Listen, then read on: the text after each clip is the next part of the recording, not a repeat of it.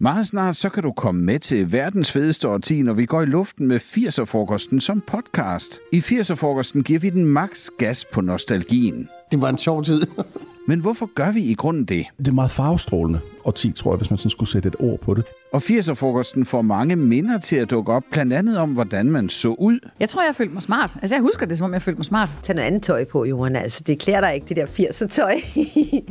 Men kunne man så ikke bare have købt noget smart 80'er-tøj? Det havde jeg ikke råd til at købe, så jeg stod og prøvede at lave det ude i garagen med gamle øldåser, som jeg fik lignet på. Det lignede lort. Men altså, øh, jeg ville gerne være med på, på moden. Men hvad med musikken? Var den ikke bare for god? I rigtig mange af de der 80'er sange, så er der noget melodi og nogle farver og noget humør, som, som er svært at holde, holde nede, synes jeg. Arbejdslivet er der også øh, flere af mine gæster, der har prøvet kræfter med i 80'erne. Det der modelliv, det, det var da enormt fedt at fise ned og bo i en kjole til 100.000 kroner og se skide lækker ud og få sit hår sat. Men der var jo langt hjem. Der kunne også være begrænsninger på de sportslige ambitioner. Så jeg så endelig kom i en svømmehal, der fandt jeg ud af, at jeg kunne gå på bunden. Så Men der er noget, vi alle samles om. Det var 80'er-maden, og den var god. Og det er gode gamle retter. Det er flæskesteg, og det er sådan noget boller i karry, og alt muligt gulasch, og jeg ved ikke hvad. Med andre ord, 80'erne er et årti fyldt med minder, musik, op- og nedture og sjove beslutninger.